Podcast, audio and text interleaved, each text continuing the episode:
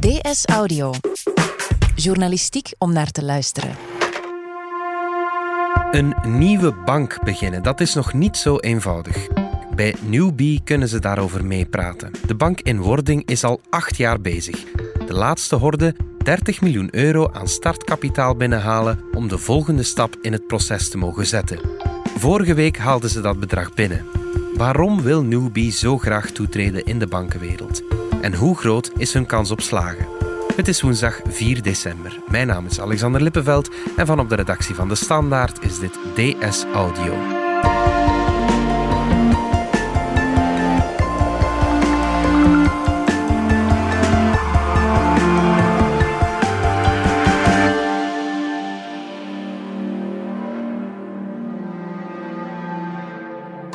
Pascal economie-redacteur bij De Standaard. Er staat een nieuwe bank in de stijgers, Newbie. Wat is die bank juist? Newbie is een bank in oprichting. Ja. Ze willen zich onderscheiden van andere banken door te mikken op ethisch en duurzaam uh, bankieren. Ja. Ze beloven nu het geld dat u aan hen toevertrouwt. Daarmee zullen ze niet investeren in firma's uh, in de wapenindustrie okay. of in bedrijven die aan milieuvervuiling doen. Dus ja, duurzaamheid en ethiek, dat staat centraal Absoluut. bij die bank. Ja, ja. Ik heb even in ons uh, archief gezocht en ik zag het eerste bericht over Newbie al in 2011. Um, volgde jij toen ook al? Nee, Newbie, uh, moet ik toegeven, bekeek ik persoonlijk toen ook nog wel een klein beetje meewarig. U moet weten, we zaten eigenlijk in een onstabiel klimaat. Ja, 2011, de kredietcrisis, die was nog volop bezig. Hoe kijk je dan naar het nieuws dat er een nieuwe bank komt? Wel, inderdaad, in 2011. Dexia viel om, ja. ook Arco viel om. Ja. Grote coöperatieve entiteit. Mm -hmm. En precies op dat moment zeggen van we gaan een nieuwe coöperatieve bank oprichten, mm. dat was wel bijzonder. Ja, een coöperatieve bank, leg dat eens uit, wat is dat juist? Dat is een bank die eigenlijk dan van de leden is. Iedereen die een effect koopt, een deelbewijs in die instelling, mm -hmm. dat vanaf 20 euro zet je meer rond de tafel, heeft één stem. Okay. En of je nu 100.000 euro op tafel legt of op 20, je hebt evenveel te zeggen, je beslist samen. Het is eigenlijk een participatief uh, model waarbij dat je met elkaar in gesprek gaat van hoe gaan we de dingen aanpakken, waar gaan we voor, ja. wat zijn onze tarieven. Iedereen krijgt inspraak. Democratie, zeg maar. Ja, ja, ja oké. Okay. Zijn er zo nog voorbeelden van banken die dat uh, systeem toepassen? We hebben een aantal andere banken met een coöperatieve structuur in België, maar die gaan absoluut niet zo ver. Hè. Mm -hmm. Krelan is ook een coöperatieve bank. Ja. Uh, zelfs KBC, de grootbank, is voor een stuk in handen van coöperanten via ja. Sera. Okay, ja. Argenta heeft ook een stukje coöperanten, maar daar is het nog een familie die de meerderheid van de aandelen. Ja. Hier heb je echt één persoon, één deelbewijs, één stem. Ja. Hoeveel geld je er ook hebt ingestopt. Ja, ja. Het is dus een heel ander soort bank dan wat we kennen. Zeker met de grootbanken is er een, een groot verschil. Denk ik, wie zit daarachter?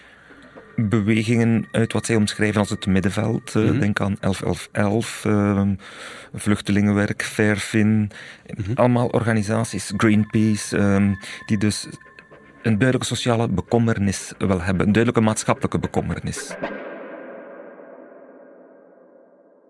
Hoe uniek is dat dat zij gaan voor die duurzaamheid en voor die ethiek?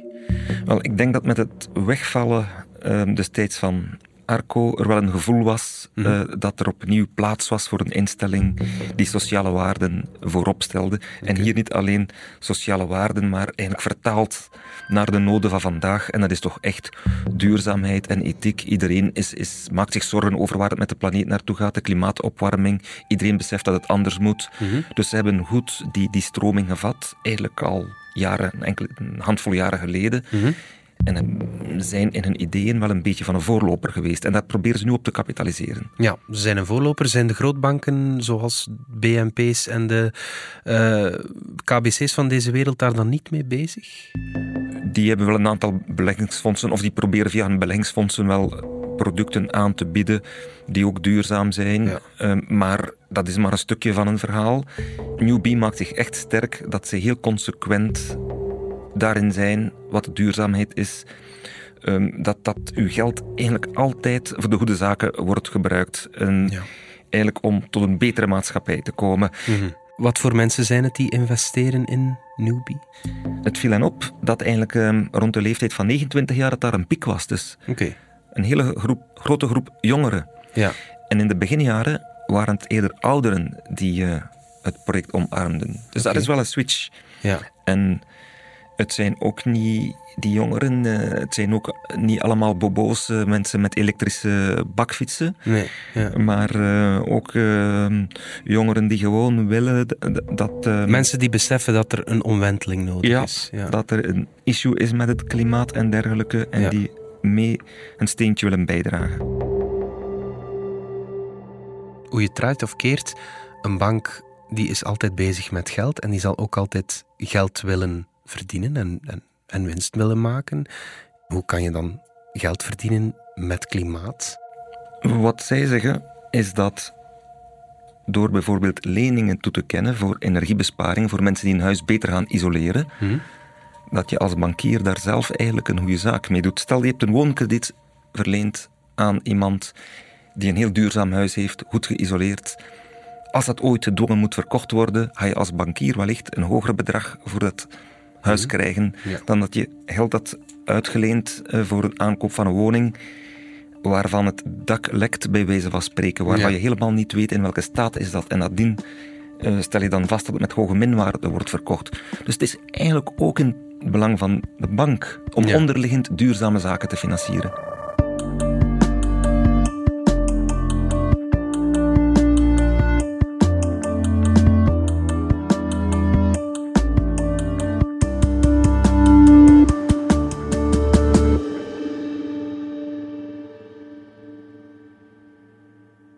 Pascal, jij bent samen met eh, Ruben Mooijman, collega van de Standaard, de twee drijvende krachten achter Newbie eh, gaan bezoeken. Koen de Vits en Tom Olinger. Hoe was de sfeer daar? Ze waren moe, het zijn drukke weken geweest, Ja, ja. maar eh, duidelijk tevreden. Ja, Ze hebben toch een krachttoer neergezet. ja En ze geloven echt in een project. Ze hebben de attitude, ze hebben een klare kijk, ehm, maar ze beseffen dat ze grote verantwoordelijkheid hebben en dat ze nog alles te bewijzen hebben. Ja, Ze houden er wel rekening mee dat ze de eerste vier jaar nog verlies gaan draaien. Het is een start-up, het is een startende instelling, het is absoluut niet risicovrij, maar ze gaan stap voor stap en, en ze hebben de zaken eh, ja, wel vrij goed op een rijtje hoe ze het willen aanpakken. Mhm. Je zegt het is absoluut niet risicovrij. Wat is het risico? Of welk risico houdt het in om in Newbie te investeren? Wie er instapt als coöperant, dus eh, die legt risicokapitaal op tafel. hè. Als je klant wordt en je stort je spaargeld daarop, dat spaargeld is altijd veilig tot 100.000 euro. Dus Ja. je moet echt dat onderscheid maken. Dat is dat Wie- garantiefonds. inderdaad, wie Ja. gewoon klant wordt bij Newbie, die daar zijn spaargeld zet, dat spaargeld is beschermd tot 100.000 euro, die kan op zijn beide oren slapen. Mhm.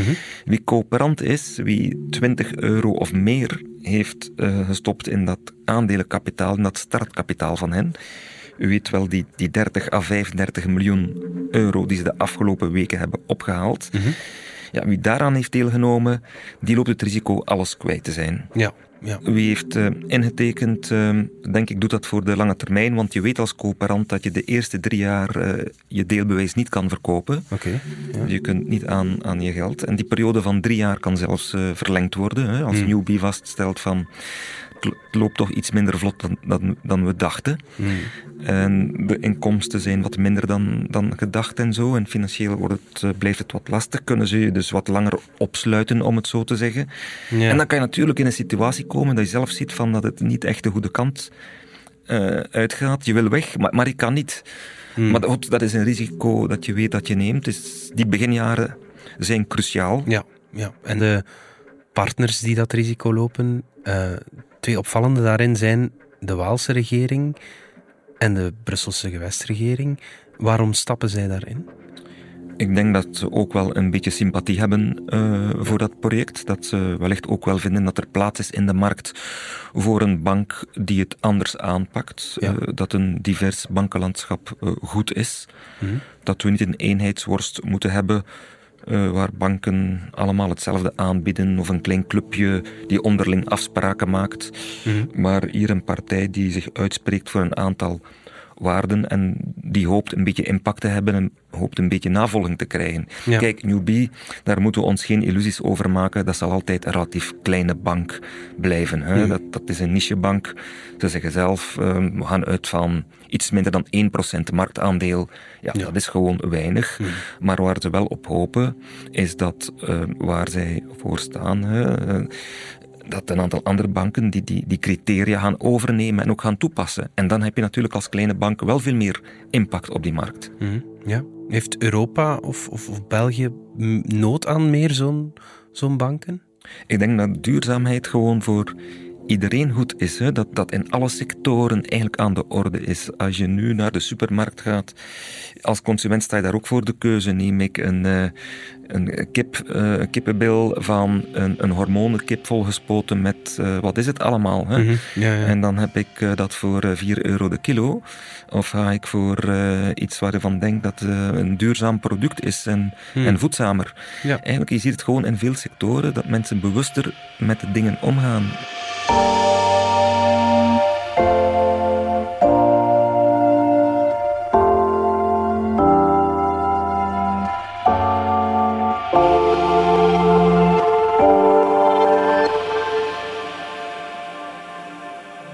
Hoe vaak gebeurt het eigenlijk, Pascal, dat er een nieuwe bank wordt opgericht? Het is meer dan 50 jaar geleden dat we dat gezien hebben. Okay. Ar Argenta ja. was uh, het laatste voorbeeld, uh, heb ik me laten vertellen. Ja. Dus uh, zeer uitzonderlijk. Ja, het heeft dus acht jaar geduurd voordat Newbie genoeg startkapitaal verzameld heeft, maar het is nog steeds geen bank. Verwondert het jou, Pascal, dat het zo lang heeft geduurd, of is dat net niet lang? Het is best lang, hè? Ja. Ik denk dat het voor hen ook een leerproces was. Hè? In het begin hebben ze misschien ook enkele beginnersfoutjes gemaakt. Mm. Zoals al gezegd, de context was ook moeilijk. Hè? Je zat eigenlijk nog wel in een zeer onstabiel bankenlandschap. Dus ja. dat werd toen een beetje vreemd bekeken van. Ja. Nu een nieuwe bank oprichten, wat een gek idee. Er was toen veel wantrouwen. Inderdaad, in, in er was veel wantrouwen. Dat werd kritisch bekeken. Ze zeggen zelf dat een belangrijke stap was uh, dan de grondige voorbereiding van een dossier en een aanpassing van raad van bestuur. Op een bepaald moment hebben ze zich gerealiseerd dat ze uh, zich niet enkel moesten omringen met mensen met goede intenties, maar ook echt wel met professionelen uit de sector. Ja, ja, die gepokt ja. en gemazeld zijn in die financiële sector. Bankieren is best een complex vak geworden. Ja, ja, ja. En die toezichthouder moet natuurlijk ook overtuigd worden dat daar ook uh, professionele mensen achter het stuur zitten. Newbie heeft nu die 30 miljoen euro verzameld die ze nodig hadden om effectief te starten als bank. Wat volgt er nu? Nu moeten ze tegen uiterlijk 15 maart hun banklicentie zien te bekomen. Oké. Okay. En dat houdt een dubbele goedkeuring in. In de eerste fase de Nationale Bank van België. Mm -hmm.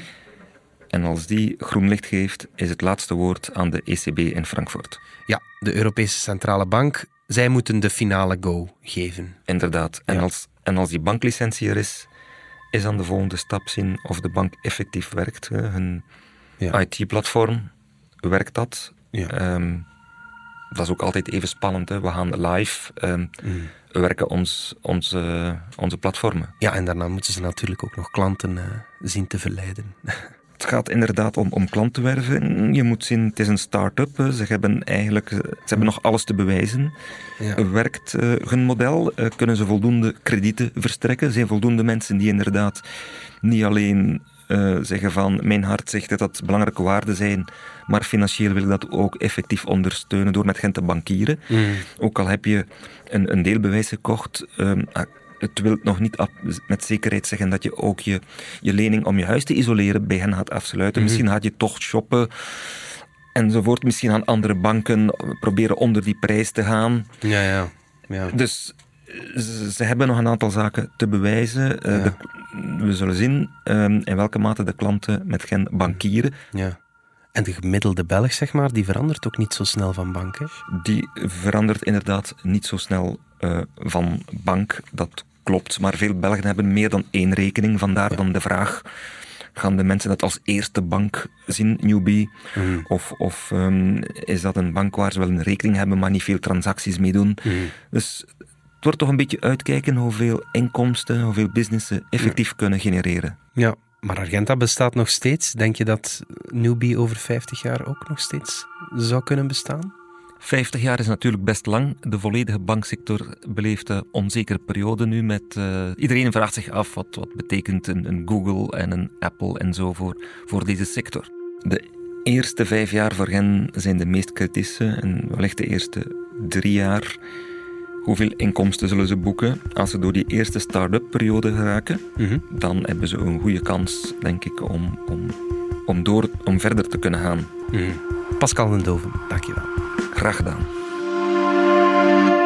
Dit was DS Audio. Wil je reageren? Dat kan via dsaudio.standaard.be. In deze aflevering hoorde je Pascal den Dove en mezelf, Alexander Lippenveld. Ik deed ook de redactie, eindredacteur is Anna Korterink. Pieter Schrevens deed de audioproductie. Brecht Plasgaard schreef de muziek die je hoorde in deze podcast. Chef audio is Wouter van Driessen. Vond je deze podcast interessant? Weet dan dat je er elke werkdag in kunt beluisteren. Dat kan via de DS Nieuws app of via standaard.be-audio. Je kunt je ook abonneren via iTunes, Spotify of de podcast app van je keuze. En als je daar dan toch bent, schrijf gerust een review. Zo toon je ook anderen de weg. Morgen zijn we er opnieuw.